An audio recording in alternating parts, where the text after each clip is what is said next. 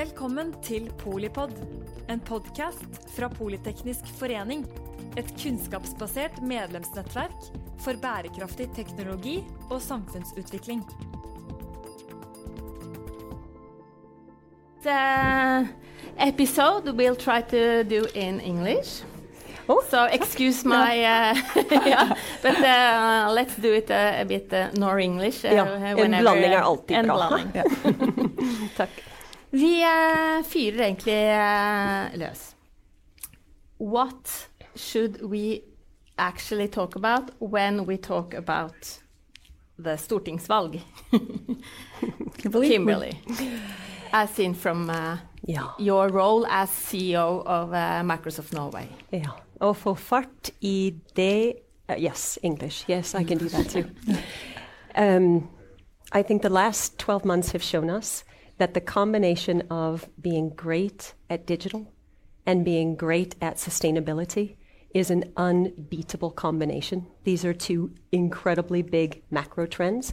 When you see them together, things get really, really interesting. And we're at the perfect point as a nation where we need to figure out fundamental ways of moving a lot faster. So that's what we need to be talking about is how to push it forward a lot from skills to incentives in all different directions. And we need to be thinking about the importance of carbon negative because there's a whole lot of things happening in the world which are to avoid uh.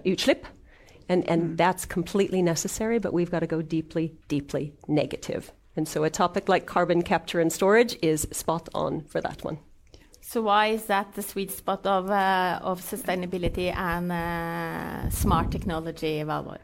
Well, uh, first of all, In I'm- your role as the general manager, no, actually the CEO of uh, Aker Carbon. That's right. Yeah. First of all, uh, I fully agree with Kimberly. Uh, the most important we should talk about right now uh, is really how we can fight climate change. Uh, we've, the whole world has uh, been and still is in a pandemic. Okay, now we have a, the, maybe the biggest challenge ever ahead of us, and we should talk about how can we fight this together. So yes, we agree. uh, we have a part of the solution, not the total solution in our carbon capture. Uh, but in order to reduce CO2 emissions, well, there are a lot of actions to be taken. You have to do energy optimization, you have to replace fossil fuel with renewables, but you also have to do CCS, carbon capture, uh, utilization and storage. And in Norway, uh, we have worked with this for a long time. You heard that in the previous session, uh, starting up with storage offshore, first in the world on Sleipner in 1996. Uh, but we've also developed technology for uh, carbon capture and all, for almost 20 years. And uh, well, it takes a lot of patience to really have the stamina to uh, to work for so long. Uh, but uh, we believe in the technology. We kept on working. There's been excellent collaboration uh, between the, Technical University in Norway, the SINTEF, the Research Institute, and Aker, like an eight-year-long R&D program. And here we are. Yes, Longship. You know, it's a fantastic decision that was made by the Norwegian government in December last year. Now we're going commercial. And it's a flagship across all over Europe. There are in total 13 uh, storage projects, but we are first. Just to mention to the viewers, uh, listeners, that uh, Polytechnic Forening is hosting the Norwegian CCS um, Association. So, and it's been part of my previous career as well. So, a special place in my heart for the technology. Um, but but uh, uh, where does sort of uh, this uh, software um, digital company fit into into this? Where's the smartness in this really hardcore industry? Yeah, so that's a great question. But we often think very first in Norway because we've been so good at physical technologies, right? Taking oil out from the ground and doing things with it physically, or taking fish out, or you know, having waterfalls off of high mountains and capturing it. We often forget about the world that exists now. All of these physical value chains need digital value chains built for them as well. And that's for um, any number of, I hope, reasons that become more and more obvious. You know, we can start with the enormous need to get the cost curves, you know, get costs down, get the right place on the cost curve. To be able to do that effectively um, is going to require a level of digital efficiency, which a lot of businesses are just mm. desperately trying to move to and trying to touch. In some of these places, these are greenfield operations, right? There's no physical value chain that's connected yet for all of these parts of this carbon capture and storage, mm. right? Only in Norway, that needs to get connected together. But quickly, this is, of course, also going to go way outside of Norway this is going to be part of an energy system, which is a very global energy system, right? Which is going to have a whole lot of things pumping around and through it. Mm-hmm. We're going to need, for example, you know, carbon offsets and credits that go um, in digital dimensions all around the world. We're going to have to map that. We're going to include so many forms of players, and we're going to need to know where these molecules of carbon really are stored, right? And have verifiable metrics mm-hmm. around that, which are going to be digital mm-hmm. in their mm-hmm. representation, right? And so that's just an example of how we're gonna we're gonna need you know a, a, a heavy dose of data collection and, and data drivenness, both from a cost perspective, but then also to make markets happen which don't even exist today. Mm. And for the ones that are not uh, deeply into this uh, adventure, yeah. um, you're actually offering uh, carbon removal as a service. Yes, we are, because we also focus on how to drive the cost down. Right now, it is too expensive. It requires uh, governmental funding uh, because even though the uh, the uh, cost of emitting CO2 has increased 170 percent in Europe over the last year, uh, it's still not enough to cover the cost. Mm. So we are working on cost reduction, and we're working with a number of complementary partners. Uh, Microsoft is one of them, and we also look into innovative ways of uh, making it easy for our customers to make the decision uh, to introduce carbon capture and storage. And that's why we came up with the solution of carbon capture as a service, car- carbon capture made easy. Because right now, if you're a small uh, waste to energy provider, a local uh, company, uh, well, then you have to apply for funding for the financing, maybe in your country, maybe go to EU. You have to have a separate contract for uh, carbon capture, one for transportation, one for storage, one for maintenance, and so on. And such a company, uh, they don't really have the capacity to do so. Uh, and they don't really know anything about carbon capture and storage. They just need they want to reduce their emissions because it's going to be too expensive to, to keep on emitting. So that's why we say, come to us. We will do everything for you. We will finance, we will build and operate the plant, and you just pay us for the CO2 captured. Could you just uh, again put the receiver on the on the table? I think. So. I will. Yeah, thank you. Uh, and that's, um, I guess, um, uh, business innovation. Uh, not only technology, but also uh, business model-wise. Mm. Absolutely. So innovation, uh, of course, uh, technology uh, development is important. We have that unique technology right now with unique HSE characteristics, uh, but this is an industry uh, that will continue to develop. And the technology will sooner or later be disrupted. So we will continue to work on our technology and we don't want to be disrupted. We want to disrupt ourselves. But a new business model is certainly also innovation. And where about is Longship uh, right now? Oh yes, we can take. Uh, maybe you can start yeah. because you're part of the yeah the, the overall development. But we'll yes, need, we'll need each other for that. Yeah, at least, please. At least what I know is we're the project. We are a part of the project, so the, the big we is uh, is still on track for 2024, right, mm-hmm. to go into mm-hmm. production. So there's an awful lot of work being built out on all ends on proven technology, mm-hmm. as we say, but we've got some time yet.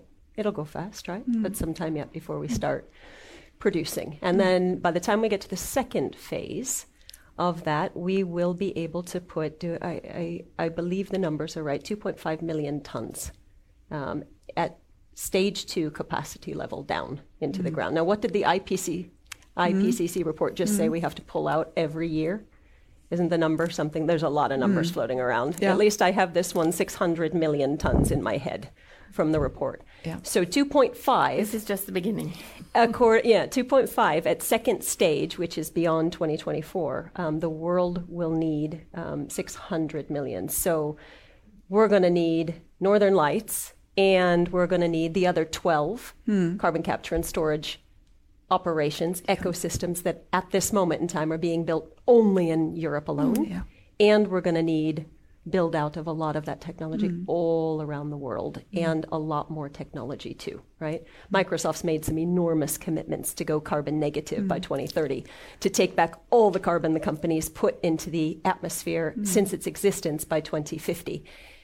And from a technological standpoint, you could almost say we've got no idea how we're going to get that done yet. Some ideas, but ideas are brewing. But you know, it's uh, it's going to take a hefty amount of development. But new business models. Mm-hmm. If I just take that point, I mm-hmm. think that the business model you're offering mm-hmm. is super innovative. I think it's mm. exactly what the market needs right now. Mm. And then with these other, I think it'll be very interesting in Europe alone to find mm. out how these 12 other development projects at this point decide to or don't decide to connect together. Yeah. And that's where we also have to think about, you know, someone, uh, Kjetil just now talked about global. Mm. Well, if you just take Europe alone, are we best served by having 12, 13 isolated systems, isolated ecosystems developing, or are we best served by connecting all of them or some of them in various different forms of partnerships? And then, of course, digital will need to be along for the ride even more fundamentally in mm. how we do mm. that across borders and across nations, and in addition, a bunch of other regulatory changes so we can actually get carbon across borders and a lot of other things that need to be worked out too. I guess you represent the leverandørindustri. um, and, uh, but there's also uh, an, an important dimension on the sort of carbon highway uh, using the, the contin- Nor- Norwegian continental shelf for this uh, interconnection of, of uh, all the projects. Is that uh, a dream? Will it come true? Can you uh, sort of explain uh, this uh, Well, yeah. uh, um, there are so many uh, concepts uh, in the pipeline, so I don't know exactly what you're referring to. But I can share with you uh, a concept where we are combining, uh, you know, uh, carbon capture technology uh, with blue hydrogen production, which is a very innovative and uh, good idea. Uh, Aker has been in dialogue uh, with Aukra kommune uh, in Norway, and that is where the Nyhamna terminal is. It's where the gas from Ormen the second biggest gas field on the continental shelf, and Hansteen uh, are coming into a terminal before it's routed to UK, and there it's covering over 20% of the UK gas. And the plan now is working together with Shell and um, Cape Omega uh, to establish a blue hydrogen plant, and that is uh, hydrogen produced from natural gas with uh, carbon capture and storage. And then you can also produce blue uh, ammonia, you can produce proteins, and so on. It's a fantastic opportunity. And with access with um, offshore wind to this plant, you can continue and you can make uh, green hydrogen. And for me, in the future, uh, you can see a mixture of various type of uh, renewable and low carbon industries. And uh, well, the potential is so big, but we have to act now. We cannot wait till the end of the decade I, uh, before we have finished all these other projects. We have to do it right now and start now. Since this is uh, poly- politik uh, from uh, Arendalsuka, then uh, at least uh, there is uh, sort of a consensus on, on the urgency. Uh, maybe not the urgency, but at, at least the necessity of, of uh, carbon removal as such. Um, but um, where should we a- and how uh, would you engage uh, to speed up and to actually uh, secure that uh, there is a life for CCS after 2024 or phase two? Mm. Well, as I said, we need to get the cost down, and we need to work with partners. Uh, you know, we are a small company, but we have a number of complementary partners, and Microsoft being one of them. And we work together with Ørsted in Denmark, and Ørsted has uh, six bioenergy plants, uh, and uh, they are, you know. neutral uh, carbon. Um, and uh, if we remove the CO2 from those plants, we they actually become carbon negative. It's like removing CO2 directly from the atmosphere. Mm. And this is very interesting when we look at the bigger picture that Kimberly described. Yeah. That's super interesting. Mm. Um, just to illustrate that, but then we need to come back to your question about how, yeah, we, sorry. how do we get the yeah. government to move more. Do it. Yeah. Do it. I, just a, a little anecdote. You know, Microsoft mm-hmm. uh, with these goals to go deeply negative. We about six months ago we went out to the world with an RFP, a request for per- procurement, mm-hmm. right? And we said to the world that we were ready to buy carbon removal, and we were going to put greatest emphasis on anything that could take us negative. Mm-hmm. We said to the world that we want to buy one million tons of carbon. Show us your best technology. We want to mm-hmm. buy the cheapest, most effective technology, by the way, that's maybe needing to be scaled and unfundable, mm-hmm. right? Maybe it's mm-hmm. unfundable right now. We got back responses from the world to the tune of 1 billion tons of carbon to take out of the atmosphere. Mm. Is that good news or what? hmm. At the price uh, of. there's there's yeah. a catch. At the price is a really good question. Even a bigger catch, fundamentally, though, mm. is almost all of those that came back to us were simply, not simply, but let's say the basic first step is to avoid sending carbon into the atmosphere. So people said, if you buy this from us, then we won't put junk out in the clouds. Mm. Only 1.5 million were actually carbon negative technology. They were actually pulling only 1.5 mm. uh, million tons um, negative out of the environment. And that's, that's the difference. For instance, this Ørsted project, mm. this Aker carbon capture, Ørsted, and Microsoft. That's why that's so interesting to us. Is that six, seven? Did you say six biomass? Factories? It's six. I believe. biomass yeah. factories already mm. that are already negative or that are yeah they are neutral yes neutral some technologies right depends mm. on what you mm. put in them are, are yeah. deeply are negative already mm. but to be able to to do that is what the world needs more of so you know there's a vast amount of ambition out there but would mm. it ever re- really result in something and and not everything is created equal right it can be a mm. lot more expensive right now to fund truly negative propositions mm-hmm. than just to say i'll avoid putting more carbon in the atmosphere yeah? Mm. So we had the, the previous uh, episode on uh, sort of uh, finalizing on, on the need for competence and uh, uh, sharing and, and learning. Mm. Um, and we have students uh, in the room, and and sort of I believe you you cannot really study this and take your master mm. in in carbon removal so to say. You have to. So so where uh, where does the the competence and mm. part fit into this uh, adventurous mm. Uh, mm. development that, that you describe? Of course, there there is a, a lot of good competence. Uh, uh, but I think right now, you know, universities uh, uh and um, you know all kind of education uh, need to prepare for the future and make sure you have good programs uh, that applied for low carbon or for renewable industry because that is where we need to go. And in my opinion, and based on the experience we have, students are very interested in contributing to something where they see they can really make a difference and fight climate change. So uh, just uh, recently, uh, we um, uh, we had an announcement for an internship, and uh, you know, for one position, we got over 100 applications. Okay. Mm. Are they uh, international? yeah, yes, they are. Mm. and what is really great about that, you know, what thing that we have learned during the pandemic is that we really don't need to, you know, move people around to get them to their working place, we can actually move work. Mm. So some of them are working in India, yes. Uh, some we have established an office in Denmark because there are really good people there. And we have an established an office in UK as well. So that is part of the digital world. And uh, uh, there are uh, it's uh, it's fantastic to see that um, you know a small company like ours really attracts top talents. And Norway yeah. will need a lot of international talent. That's yes. what every survey and every statistic says, whether yeah. it's spisskompetanse i IKT mm.